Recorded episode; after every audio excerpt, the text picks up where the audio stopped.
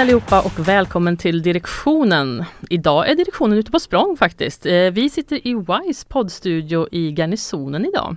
Och vi, det är jag, Ann-Sofie Thunholm och du Malena Jägarbarn såklart. Jajamän, och vi är redo för nya stordåd idag. Men idag gör vi lite annorlunda Ann-Sofie, eller hur? Ja, det stämmer. Det stämmer, vi har ju en gäst med oss i podden här idag. Det är Jenny Berge som har gedigen erfarenhet av, eh, ja det är ju 30 år va? Erfarenhet eh, Inom, av affärsutveckling. Ja men precis, det stämmer. Ja. Åren går fort. Ja, välkommen hit! Tack! Stort tack! Jätteroligt att ha dig här. Ja, men du har ju en gedigen erfarenhet inom affärsutveckling och försäljning och inte minst rekrytering också då såklart. Mm. Eh, du är ju VD på Sales Only mm. eh, som är specialister på säljrekrytering och konsultuthyrning och en del inom Wise Group också. Det stämmer bra. Det. Så varmt välkommen säger jag fast det är egentligen vi som känner oss väldigt välkomnade av er ja, här i, i poddstudion alltså. egentligen. Så är det. Eh, och vi ska prata om eh, The Big Quit idag, eller the, the Big Resignation som det också kallas för. Mm. Um, och vi ska dra lite bakgrund innan vi släpper loss och pepprar Jenny med lite frågor här. Mm. Mm. eh, pandemin medför ju att människor börjar liksom att omvärdera vad som verkligen är viktigt i livet, det har vi ju märkt nu. Och vissa inom vården fick ju till exempel jobba hårdare än någonsin. Och andra såg fördelar med att vi ändrade våra arbetssätt och kunde, de kunde vara mer, spendera mer tid med sin familj eller de kunde vara mer flexibel med sin tid till exempel. Vi har sett många förändringar. Och i USA var ju effekterna särskilt omfattande och även nu 2022 så kan vi se att effekterna hänger i även där. Och eh, Fortune beskriver till exempel att 40% av amerikanska arbetstagare överväger att lämna sitt jobb och det är siffror som både Microsoft och McKinsey också har kommit fram till i sina undersökningar. Mm. Och i Europa så är den siffran faktiskt ännu högre. Man pratar om upp mot 58 procent för vissa. Mm. Uh, och uh, man har sett också att 18 procent av de som avslutar sin anställning, de går vidare till lite mer icke-traditionella eh, roller. Det kan vara deltidsjobb, det kan vara att de blir giggare mm. eh, eller startar egna verksamheter. Och eh, det är också många som byter branscher har man sett. Och att de hellre väljer ett jobb som de trivs med än att det måste matcha lönemässigt. Har man mm. sett just i USA då, som var väldigt snabba på att mäta det här. Och finans och försäkringsbranschen är särskilt utsatt i USA där 65% av de som har sagt upp sig faktiskt inte kommer tillbaka till mm. deras bransch igen. Så där finns det lite utmaningar. Mm. Och alltså som så mycket annat då så har ju pandemin drivit på det här också. Människor som du nämnde Ann-Sofie, man har börjat att liksom få andra prioriteringar och mm. eh, både privat och professionellt. Eh, arbete på distans har möjliggjort att vi kunde koppla bort arbete från geografin, och mm. liksom för första gången nästan. Eh, och då kommer också nya behov och nya prioriteringar. Eh, och just det här gör faktiskt att vissa forskare hävdar att vi istället för the big quit borde benämna effekten för the big exploration. Ja, istället, för the big, eh, istället för det stora eh, the big quit då. Att det är ja. liksom ett utforskande istället. Kärt barn har många namn. Ja, och man kan ju liksom ta tillvara på de här möjligheterna och kapitalisera potentialen i det här nya. Mm. Eh, och jag ska ta ett citat här. People aren't just quitting their jobs. They're rejecting the idea that burnout is the price they have to pay for success.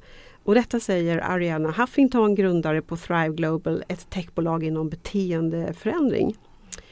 Eh, och det är klart att det här är ganska stora tankeställningar som, som kommer för människor nu. Mm. Och effekten då av Big Quit, ja det började som så mycket annat så började det här, även här i USA. Eh, och eh, nu fram till juni 2022 så är det hela 57 miljoner amerikanare som har lämnat sina jobb utan att ha något annat jobb att gå ja. till. Mm. Eh, och man har alltså sett att det blir större fokus på på nya saker. Varför gör jag det här och vad, vad är jag bra på? Hur utvecklas jag mer än kanske karriär och lön, alltså pengar? Mm.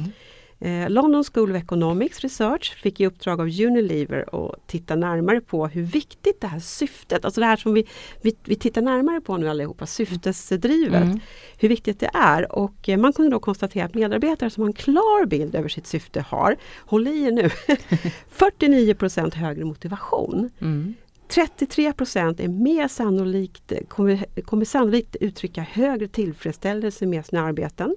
Och 25 procent kommer sannolikt göra det där lilla, lilla extra, det som man faktiskt som arbetsgivare så gärna vill se. Mm. Eh, och ironin i det här, när man följde upp de här mätningarna med runda bordsamtal med The Crow, Chief Human Resource Officers, ett lite finare namn på HR-chefer i större bolag. Mm.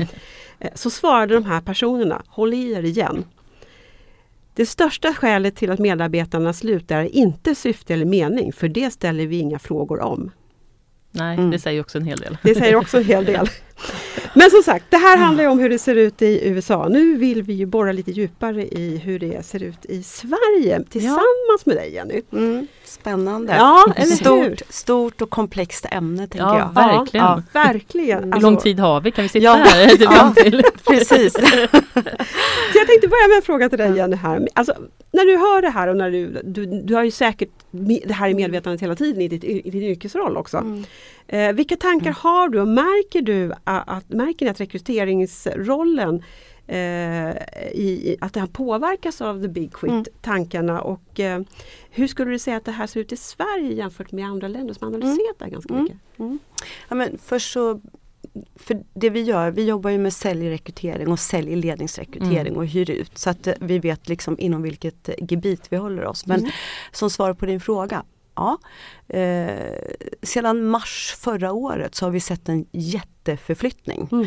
som faktiskt inte blir mindre utan som snarare ökar. Mm. Eh, sen kan man ju titta på lite olika branscher också och det är klart att eh, om man tittar på servicebranschen som var jättehårt drabbade framförallt under liksom pandemin.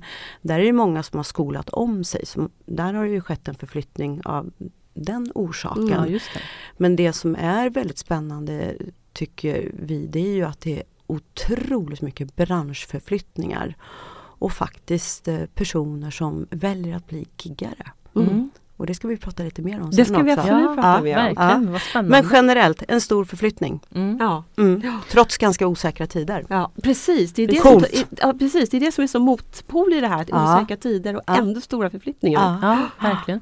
Vad var det som tror att det hände just ungefär, det var en ganska tydlig brytpunkt där i mars alltså, mm. i, i våras. Var det, då, då släppte vi lite grann på pandemilagarna och sådär. Var det då först man började eh, sätta igång med nya planer eller vad tror du var den största rörelse, anledningen till rörelsen? Ja, nej men, alltså, vi kunde märka en ganska snabb uppgång och det är väl framförallt att när det släppte så det första man behöver är ofta säljförmågor, ja. nya säljförmågor. Mm. Så att eh, det gick snabbt. Mm. Men, men det var ju även många där som hade skolat om sig och bytt spår och mm. gjort lite branschförflyttningar och sådär. Så att eh, det ganska snabbt så såg vi att eh, det blev ju kandidaternas marknad mm. och där är vi fortfarande mm. idag. Ja. Eh, att det är lite att välja och vraka mm. trots en eh, bestående lågkonjunktur. Mm. mm. Eller en kommande. Ja. Och bara det är ju också en motpol i sig. Dels att det blir osäkra tider, att det är en lågkonjunktur och ändå så är det kandidaternas marknad. Det mm. Ja, mm. intressant. Mm. Och det är ju många företag som försöker hitta en balans här nu mellan fysisk närvaro och att arbeta remote. Eh, och man har ju under de senaste två åren sett att personal som både har anställts och slutat på en arbetsplats utan att liksom ha träffat sina eh, kollegor fysiskt, kanske en enda gång under den tiden. De upplever att de har svårt att se liksom ett sammanhang för sina arbetsuppgifter och upplever sina arbetsuppgifter som lite mindre viktiga eller mindre meningsfulla. Um, är det här någonting som ni har sett eller märkt av hos era uppdragsgivare eller hos kandidaterna i det hybrida arbetslivet? Har ni mm. fångat upp något sånt? Nej men så här, vi, vi uh, har lyft den här frågan internt och här, våran slutsats är att det kanske är lite för tidigt att dra, dra allt för stora slutsatser här. Mm. Uh, men uh, under pandemin så, så gjorde vi ju otroligt många tillsättningar till olika företag och vi har också märkt nu när det lossnade att eh, människor är benägna att flytta på sig i, i större utsträckning okay. än, än det vi faktiskt kunde förutse. Mm. Eh, och eh, när vi då intervjuar de här människorna för att förstå vad är det då som gör att du flyttar på dig så är det ofta eh, just den här närheten till arbetsgivaren, eh, att det är otydligt, det är värderingarna, det är framförallt ledarskapet som mm. är ganska dåligt skulle mm. jag vilja säga. Mm. Och då gör ju det det väldigt enkelt för en kandidat att flytta på sig om man dessutom inte haft någon fysisk närvaro. Nej. Mm. Man har ingen anknytning riktigt på det sättet. Nej och vi är ju människor. Mm, mm. Vi ska ju vara tillsammans och mm. vi behöver träffas fysiskt. Mm. Verkligen. Du, du glider så bra in på min nästa fråga här Jenny, när ledarskap. den handlar precis om det. Eh, alltså det är uppenbart för många chefer framförallt att det, har, eh, att det är svårare att leda på distans helt enkelt. Mm. Än att leda fysiskt. Och, och förutsätter helt andra förmågor än när medarbetarna är på plats. Eh, förmågan att inspirera medarbetarna och liksom känna passion för sitt arbete och mening då som vi har nämnt. Känna mm. mening för sitt arbete och syfte. Och stolthet över sina arbeten har liksom blivit ännu viktigare när man leder på distans än när man har den fysiska närheten. Mm. Märker ni någonting av att arbetsgivarna ser den här problematiken så att man satsar resurser på att faktiskt utbilda för en ny typ av ledarskap? Eller försöker man bara göra som vanligt? Mm. Och Det är en sån bra fråga och, och tyvärr så är det för få eh, mm. som ser det här mm. och inser och satsar eh, tid och resurser och kapital för att göra någonting åt det där. Mm. Eh, vi gjorde tillsammans med våran partner Mercury International Research en, eh, en forskningsrapport här under 2021 där vi intervjuade tusen kommersiella ledare i Europa och där vi kan se att kompetensglappet är ju enormt. Mm. Eh, och då var det väldigt koncentrerat till försäljning men den går ju kopplat till ledarskapet. Det går Absolut. ju hand i hand. Absolut. Allt är ju cirkulärt. Eh, så ja, att satsa på sina ledare och framförallt förändringsledning och kunna leda på distans. Det, det, det kommer ju vara jätteviktigt.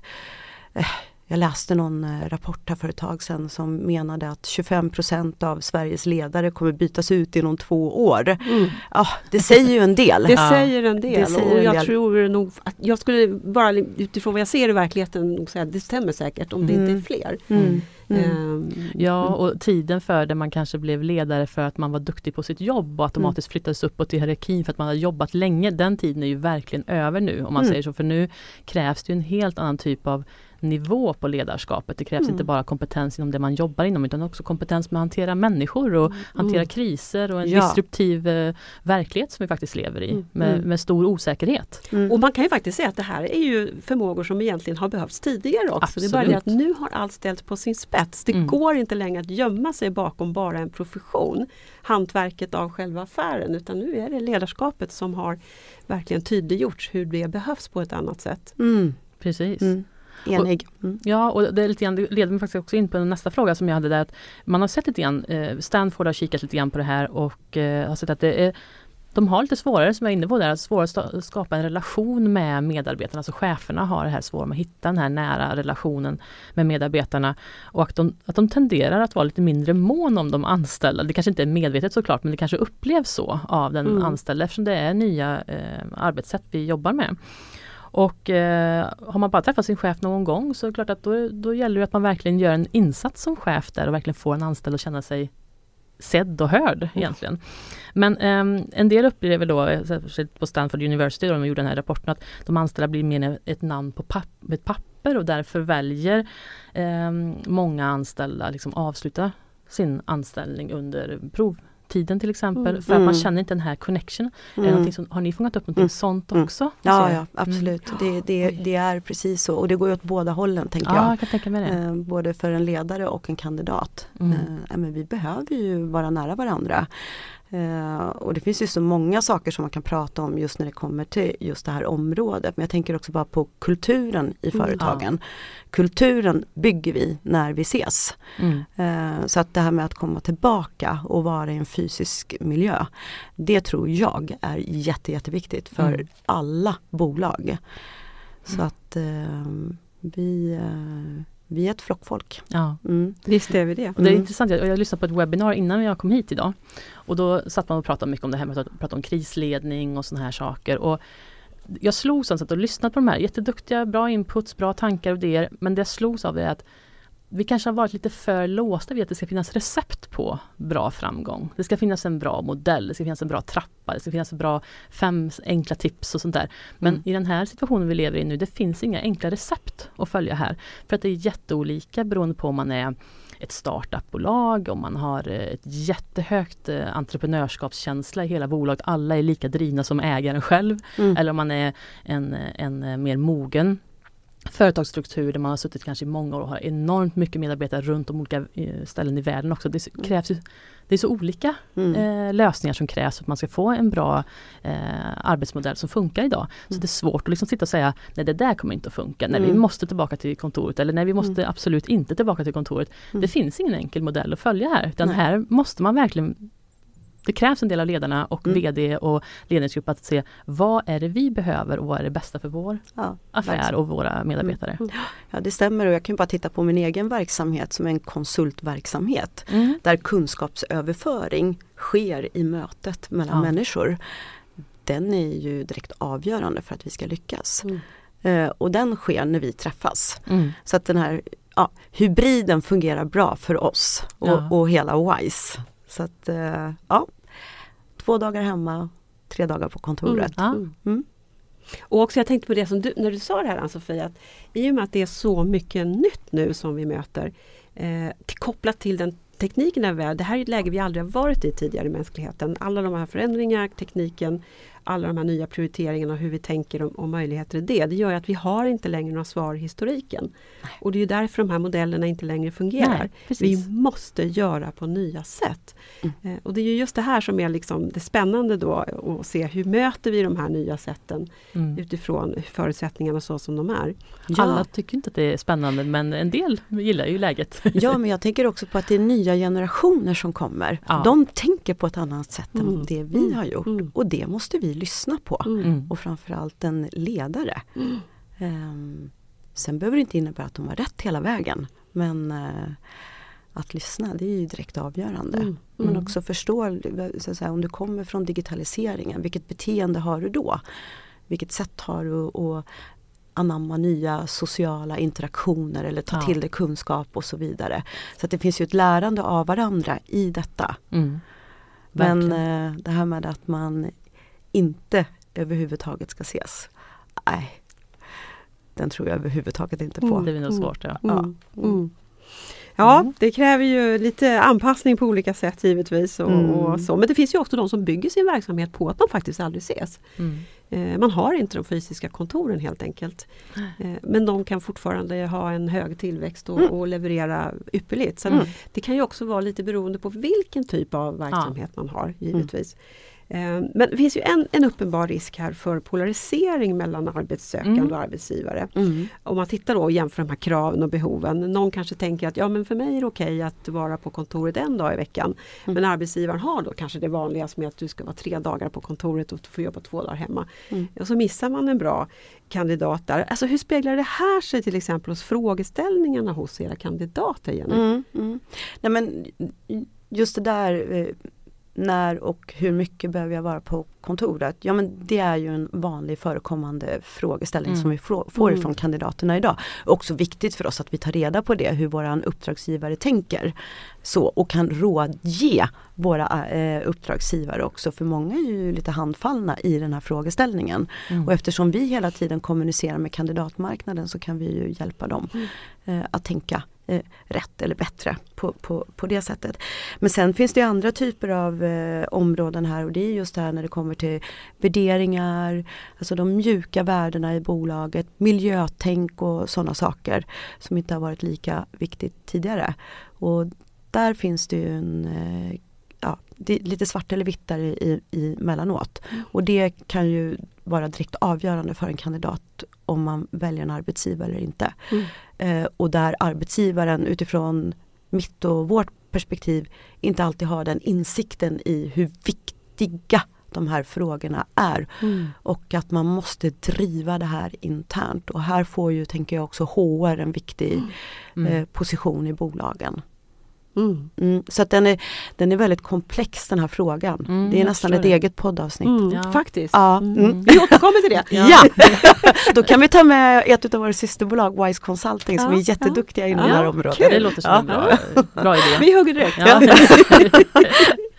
Ja men det man ju sett också, så här, vad är det man kallar Y-generationen ja. och de här att de mm. har, är väldigt starkt eh, värderingsdrivna. Ja. Mm. Och det är ju egentligen någonting som vi kan se som en tillgång också i bolagen. För vi, mm. vi vet ju att det är viktigt med värderingsstyrt mm. arbete och mm. värderingsstyrt ledarskap. Så det är ju någonting som faktiskt kan öka på motorn i verksamheten mm. när man har sådana anställda. Ja men absolut och jag tänker också, så här, ska du jobba på distans så blir ju de här bitarna om än ännu viktigare. Ja. Mm.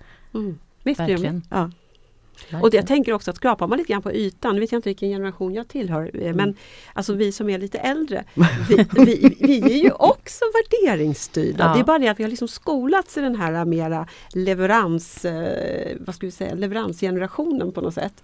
Jag brukar säga, kalla för, vi kommer ifrån eh, KPI-generationen. Ja, ja, och jag tänker så här, egentligen den viktigaste KPIn är väl ändå Keep People Inspired. Ja, äh, någonstans. Den sitter, den sitter. Ja. Yes, det var bra. Det var riktigt, people, bra. Keep people inspired, den tar vi.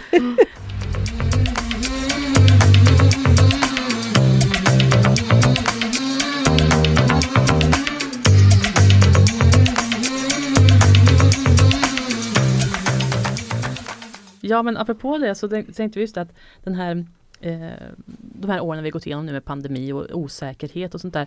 Kan ni, vi var lite inne på det där men jag tänkte på, kan ni se att kandidaterna söker efter vissa typ, visst värderingar, och de här sakerna men, men om man tittar på själva anställningen, söker de mer efter en trygghet eller ser de mer som ett litet gig alltså att de, de tänker att de är lite kortare stund på en arbetsplats för att lära sig och se och sen gå vidare. Eller vad har man för vad kan ni se för tendenser hos kandidaterna? Vad de söker hos sin arbetsgivare förutom det här med värderingar och, och mm. trygghet. Mm. Eller förlåt, mm. värderingar och uh, hållbarhet och mm. de här bitarna.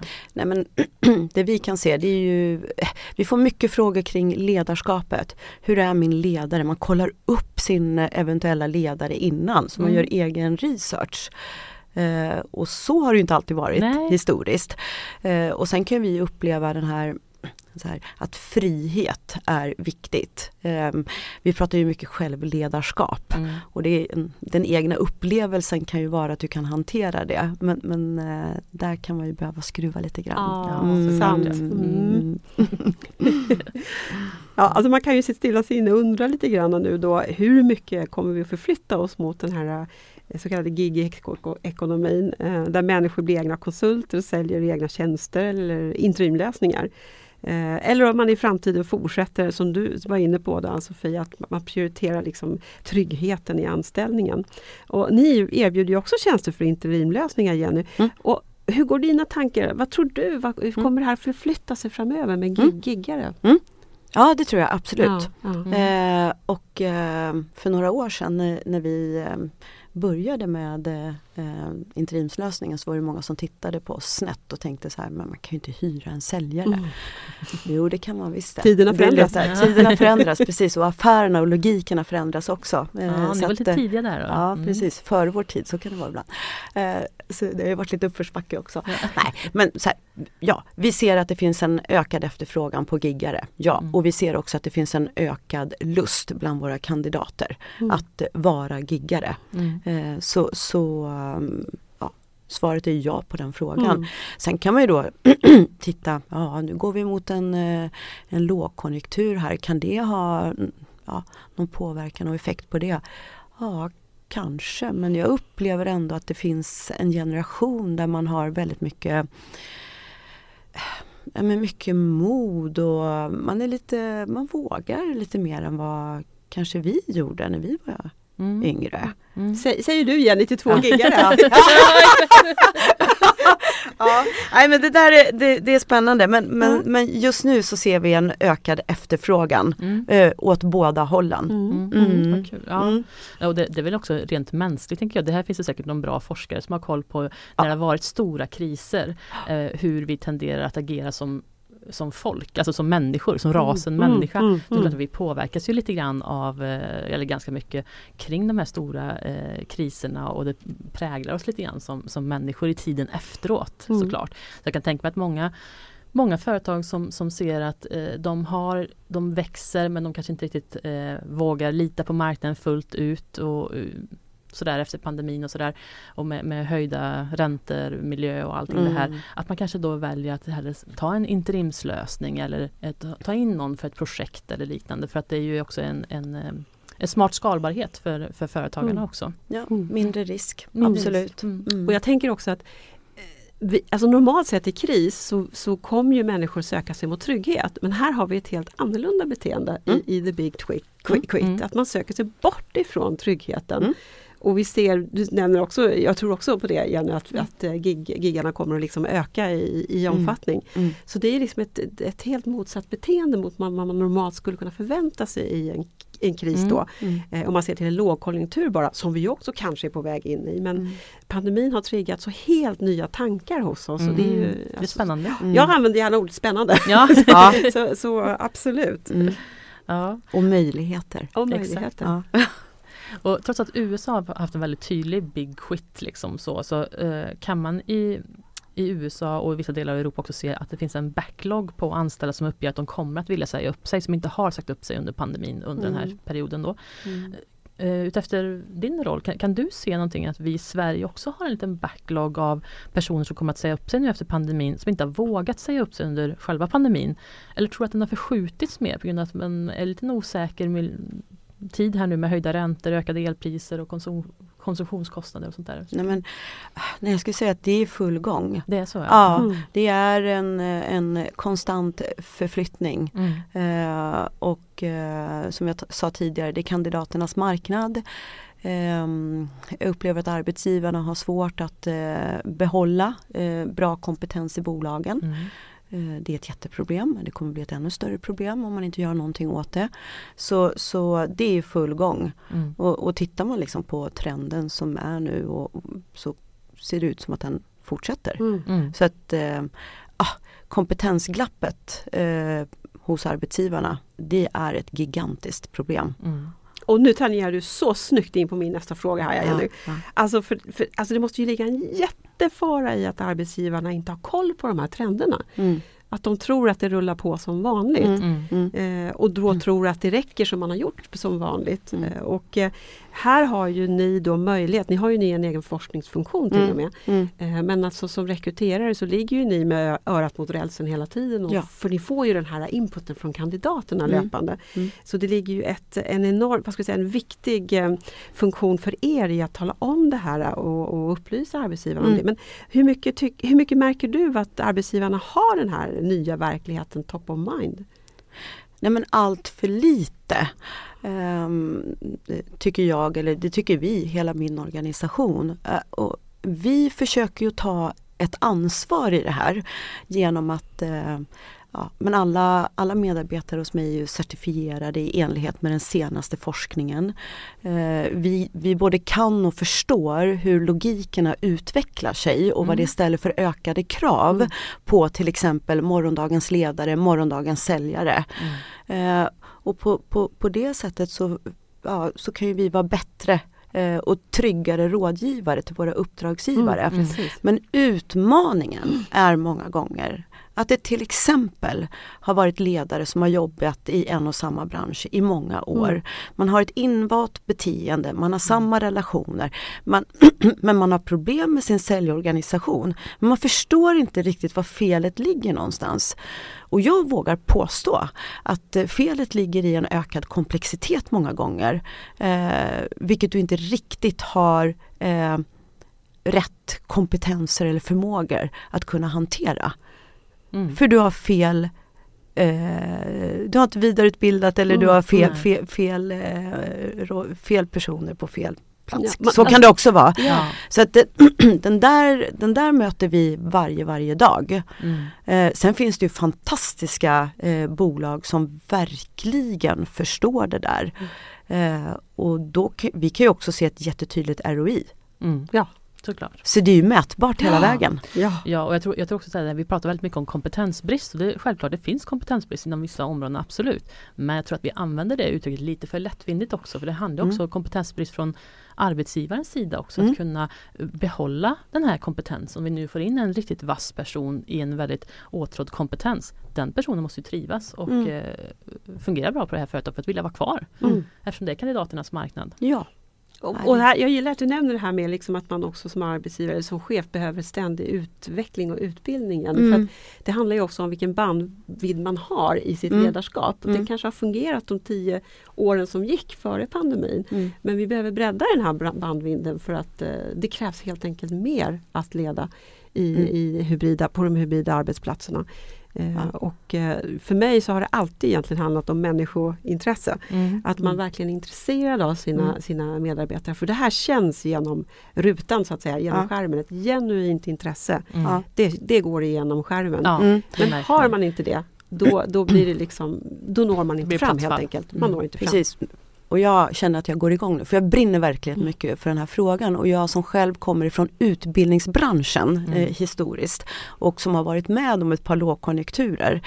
Eh, jag skulle verkligen vilja ge rådet till alla andra VDs som sitter och gör affärsplanering nu. Mm.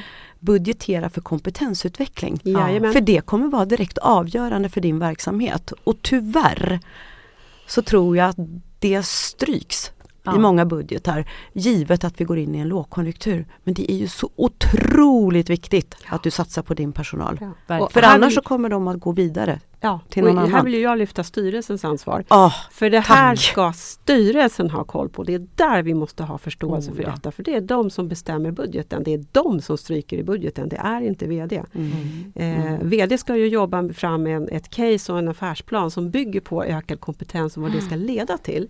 För att så att säga sälja in det här till styrelsen. Men det är styrelsen som tar beslutet om det. Mm. Eh, så här behöver man vara precis lika, eh, öka sin bandvidd i styrelse, styrelseledamöterna för att förstå de här utmaningarna. Mm. Eh, för annars kommer man att blocka det här och mm. Eh, det kommer att direkt kosta bolaget stora pengar i framtiden. Ja, och inte lägga in de här eh, småfjuttbudgeterna för att hålla personalen igång och säga att man nu har vi gjort en kompetensutveckling. Utan bara för att den faktiskt är kvalitet på den. Mm. Och att eh, om man nu har kompetensbrist inom vissa områden, gör som Coca-Cola och många andra företag i sina akademier, gör riktiga eh, eh speciella utbildningar inom AI, inom tech för mm. dina befintliga anställda som faktiskt gör skillnad. Så att ni får en, en egen tillväxt, en organisk tillväxt av kompetens inom bolaget också om möjligt. Eller samverka med andra bolag. Mm. För att göra ordentliga insatser och inte någon sån här två dagars ledarkurs någonstans som i och för sig kan vara bra men många gånger kanske lika gärna hade kunnat kvitta också. Mm. Äh, den ska integreras i det dagliga tänker ja. jag, det här med kompetensutveckling. Mm. Så det är någonting som sker hela tiden. Mm. Det är inte bara enstaka insatser. Ja, det ger sällan en bestående effekt. Ja precis, för det bygger också på att det finns en kultur av ett lärande i, i bolaget. Att man mm. ser liksom vikten av vinningen av att kontinuerligt lära mm. och ut, utbilda personalen men också alla ledare och som sagt ända upp i styrelserummet. Eh, för att det är där på något sätt som också ledarskapet och kulturen börjar i styrelserummet. Det är liksom det som VD plockar med sig vidare mm. in i mm. verksamheten. Mm. Eh, och det sätter liksom ramen för hela tänket av hur vi skapar kulturen. Mm. Eh, så att det är otroligt viktigt och jag är glad att du lyfter det här med mm. kompetensutveckling. Mm. Alltså, ja. för den är så viktig. Den brinner vi för. Den brinner ja. vi för allihopa. Ja, det är bra. Vi slår ett slag för det. Ja det gör vi. Vi klubbar den. Ja. eh, men, och det är så som sagt, våra krav ökar ju på arbetsgivare och, och, och, även på kompetens också. Men jag tänkte på en sak som har slagit mig. Att ganska ofta när jag själv och mina bekanta har sökt jobb tidigare så har man upplevt lite samma typ av irritation vid många rekryteringsprocesser. Mm. Du skulle få höra här Jenny. Mm. Att de tar väldigt lång tid. Mm. Och man kan ha sökt ett jobb, säg i april, men man hör ingenting från företaget och så går man ju liksom vidare med sitt liv. Man har inte Mm. Man glömmer bort det, man har sökt många jobb kanske och sådär. Och sen kanske i oktober, november, då får man ett mail där det står Tyvärr, vi har valt att gå vidare med en annan kandidat. Mm. Och då har man ju ingen aning om vem är den här människan som, som skickar mail till mig? Jag har ingen mm. aning om vem ni är. Mm. Och då blir man lite irriterad nästan för man känner så här man har nästan levt ett helt liv känns det som, eh, sen man skickade in den här ansökan. Man har varit i Paris på semester ja. och man har, det är snö ute nu och man har, ja. ens kompisar kanske har fått barn under tiden mm. och man är inte ens samma människa längre känns det som. Mm. Eh, skämt åsido, men det gör mm. att man får inte så jättepositiv syn på de här bolagen eh, som det tar så lång tid när de återkommer då. Men jag tänkte på det här med the big quit och alla de här mm. förändringarna mm. som vi pratar om. Har du märkt att det, det påverkar eh, rekryteringsprocessen, att den blir kortare just på grund av att man är på jakt efter viktig mm. kompetens eller är det samma som förut? Mm. Finns det något hopp? Här? oh, det, det, var många frågor. Nej, men, så här, mm, eh, för det första, kandidatupplevelsen är ju så, så, så viktigt. Mm. Det är någonting som vi jobbar med dagligen och vi kan alltid, alltid bli bättre. Mm. Men det ska man ju komma ihåg. När vi tar på oss ett uppdrag för en uppdragsgivare, då sätter vi på oss företagshatten. Ja. Så att vi måste sköta oss snyggt. För gör inte vi det så blir vår uppdragsgivare eh, drabbad och det är Mm. inget bra. Mm. Eh, sen när vi kommer till processen. Alla vill att det ska gå snabbt. Jättesnabbt. Eh, men det är en sak att säga det och det är en sak att eh, låta det få vara så också. Så att eh, min upplevelse är att det tar eh, längre tid många gånger. Mm. Och det är inte på grund av kandidaten alltid utan det är många gånger på grund av uppdragsgivaren. Eh, för att man inte har, man planerar inte, man har inte rätt struktur. Mm. Mm. Eh, det är för många spelare inblandade i varje rekrytering så att du får inte ihop liksom, projektet på ett bra sätt. Eh, och då kan ibland vi uppleva en nonchalans hos arbetsgivaren Ja, just, för de ja, tycker ja. så här, men, men så svårt kan det inte vara. Mm. Jo, kära du, när du har en toppenkandidat som dessutom sitter i tre processer. Mm. Eh, för det är så läget ser ut. Mm. Eh, och det där eh, skulle man också kunna prata mycket om. För Mm. det är precis så det är. Mm. En duktig kandidat idag har många erbjudande. Mm. Och du som arbetsgivare, du måste vara snabb. Halleluja! Halleluja, Ja, det är exakt. jätteviktigt. Jag ska säga, det, ska, det ska sägas också att när det väl är en riktigt snygg rekryteringsprocess. Vi har, jag och mina kompisar har oftast jobbat som rekryterande chef också gånger. Mm. Jobbat med mycket rekryteringsbolag. Så Ja. man, man blir verkligen så här, när någon har en riktigt snygg process. Så vill Ja. man bara, det där. Mm. Men det utmärker sig också. Mm. Och det här eh, måste jag bara berätta att just en av mina kompisar berättade att, och nu kan man tro att jag smörar för Jenny här, men det är faktiskt sant. Eh, Mm. Att eh, en kompis till mig hade just varit med om en riktigt sån här klockren rekryteringsupplevelse hos just Sales Only. När hon fick sitt jobb. Åh, Så nu, Vad glad jag blir! Ja. Ja, Och- vilka rysningar! Men, men grejen är att det sitter faktiskt kvar. Mm. Den upplevelsen, hon berättade ju för mig om det Ja. fast det var ett år sedan hon fick det här jobbet. Mm. För att eh, är man inne i den här svängen, man söker mycket jobb, man kanske själv är rekryterande chef. Då är det så otroligt avgörande att man har en bra partner. Så Mm. då, det kan du ta åt dig med ditt team. Ja, det ska jag ta med mig. Ja, nej, men de är fantastiskt duktiga och vi, som sagt, vi jobbar ju hela tiden med att träna oss själva. Vi är fullt medvetna om att vi kan bli bättre eh, och vi är också fullt medvetna om att ibland gör vi fel. Så. Så det Men det är, vi brukar ju prata om eh, eh, kandidatperspektivet, det vill säga vi har alltid två kunder. Mm. Det är uppdragsgivaren Mm. och kandidaten och så är vi där någonstans mittemellan.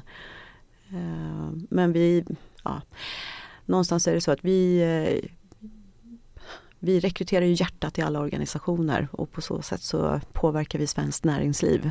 Så det är ju affärskritiskt och vi tar rekrytering på allra största allvar Mm. eh, och lägger ner oerhört mycket tid på förstudie och processstruktur, ordning och reda, dokumentation och så vidare. Ehm, Då blir det så bra. Att, ja, det blir faktiskt det. Det är Mm. kvalitet. Mm.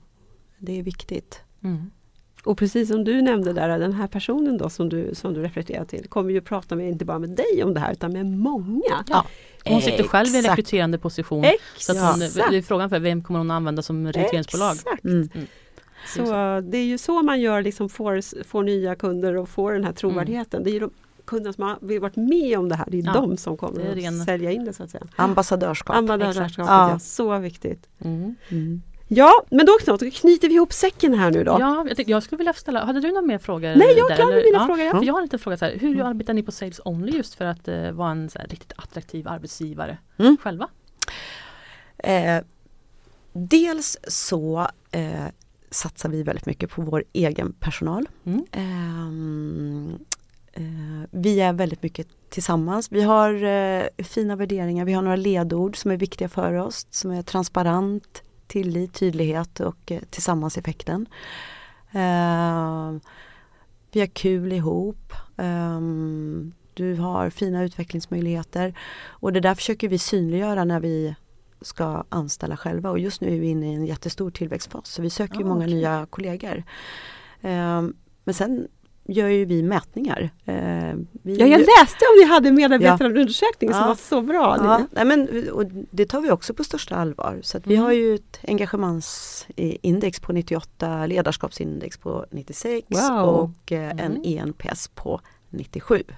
Det kan vara så att jag blandat ihop någonting men det är över 90 överallt Ja, i alla fall. över 95 Och det, till och med. Nej, men det är bra. Ja. Nej, vi, vi, vi, vi jobbar jättemycket tillsammans Mm. och vi har jättekul ihop. Mm. Och, och det är klart, när man har det så sprider ju medarbetarna det. Mm. Eh, utöver allt också. Mm. Så att, eh, men det har inte varit guld och gröna skogar att komma dit. Vi Nej. har haft det jättetufft och ganska volatil tidigare. Men eh, nu är vi en extremt stabil arbetsgivare med bra lönsamhet, en tydlig riktning i bolaget, en klar plan och ett jävlar anamma. Härligt. Och en eh, fantastisk styrelse som står ja, bakom oss. Ja. Mm. Och den, det, det, är viktigt. Det är jätteviktigt. Ja. Och jag tänker också att det, det, krävs liksom att man ska igenom någon form av smältdegel för att liksom bygga ihop laget och bygga ihop teamet och förstå vad som är viktigt. Mm. Alltså man kan inte bara glida fram på en räkmacka hela tiden och liksom bygga det här starka bolaget. Man mm. måste igenom mm. vissa flaskhalsar och, och för det är också där ledarskapet testas och man får prova vad, vad det är som verkligen är viktigt. Mm. Ja. Mm. Det här äkta mm. engagemanget ja. som vi också märker hos dig mm. väldigt mycket. Det, det bara, jag skulle kunna se när det bara sprutar ur ögonen på den här. eh, så att vi nästan liksom lutar oss bakåt ja. här i, i Nej, men Det är viktigt att se det här riktiga engagemanget för det är då det händer någonting på riktigt också. Mm. Mm. Det är det. Mm. Så på tal om det då så är det ju så att alltså när förväntningarna hos medarbetarna om att ha den här flexibiliteten som vi har pratat om med att kunna jobba eh, till exempel hemma då och få mm. arbetsbalans mellan arbete och privatliv. När det då inte möts av arbetsgivarna som ställer krav på fysiskt, eh, fysisk närvaro i högre utsträckning än vad medarbetarna vill. Då mm. blir det här då blir det ett glapp. Mm. Eh, och det här glappet det driver ju på the big quit. Eh, och vi hör ju nu från dig Jenny också att du ser mm. inte att det här är något som är mindre i Sverige. Mm. Eller att det på något sätt skulle minska. Så att det är ju väldigt alarmerande. Mm.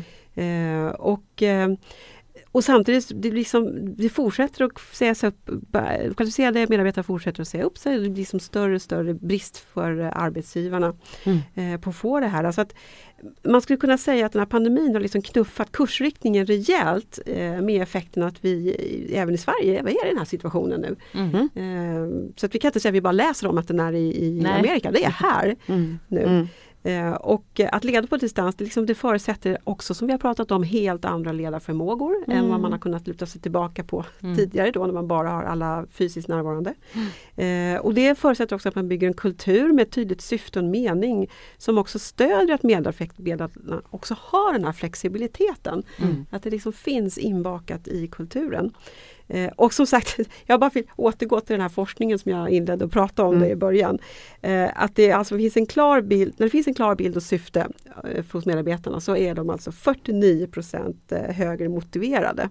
Medan då HR svarar att det största skälet till att medarbetarna slutar inte är syfte och mening för det ställer vi inga frågor om. Men på något sätt kan man säga att det sammanfattar liksom mm. det här glappet mellan mm. medarbetarna ja, och eh, mellan bolaget. Mm. Mm. Eh, och, och, vi har ju också varit inne på det här med bolagsledningarnas ansvar, styrelse mm. och VD. Mm. Eh, de behöver verkligen förstå vikten av att vara en attraktiv arbetsgivare för det har aldrig varit så viktigt och det kommer bli ännu viktigare i framtiden.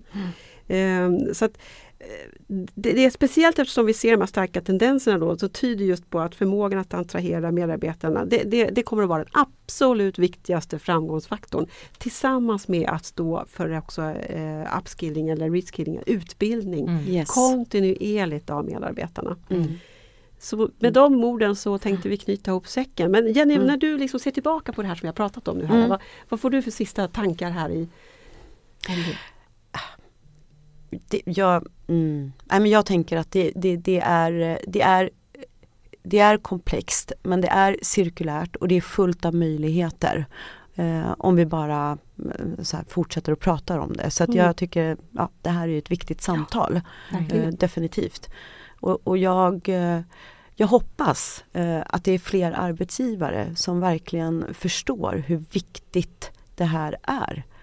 Eh, det handlar om ett existen, existensberättigande Absolut. för en arbetsgivare. Ja, ja, ja. ja det gör det. Så, så ja, man må kanske ha ett starkt varumärke som eh, har varit framgångsrikt men det är inte säkert att det räcker i framtiden Nej. om du inte vågar ta i de här bitarna på rätt sätt. Så det. Men det finns också väldigt många som gör det. Mm, eh, mm, så. Mm. Men, och de kommer ju vara vinnarna. Mm. Ja, så är det. Ja. Så, så det, är det kommer, alltid. Ja, det kommer bli väldigt tydligt framöver vilka som inte tog tag i det här och vilka som gjorde det. Mm, precis. Mm. mm.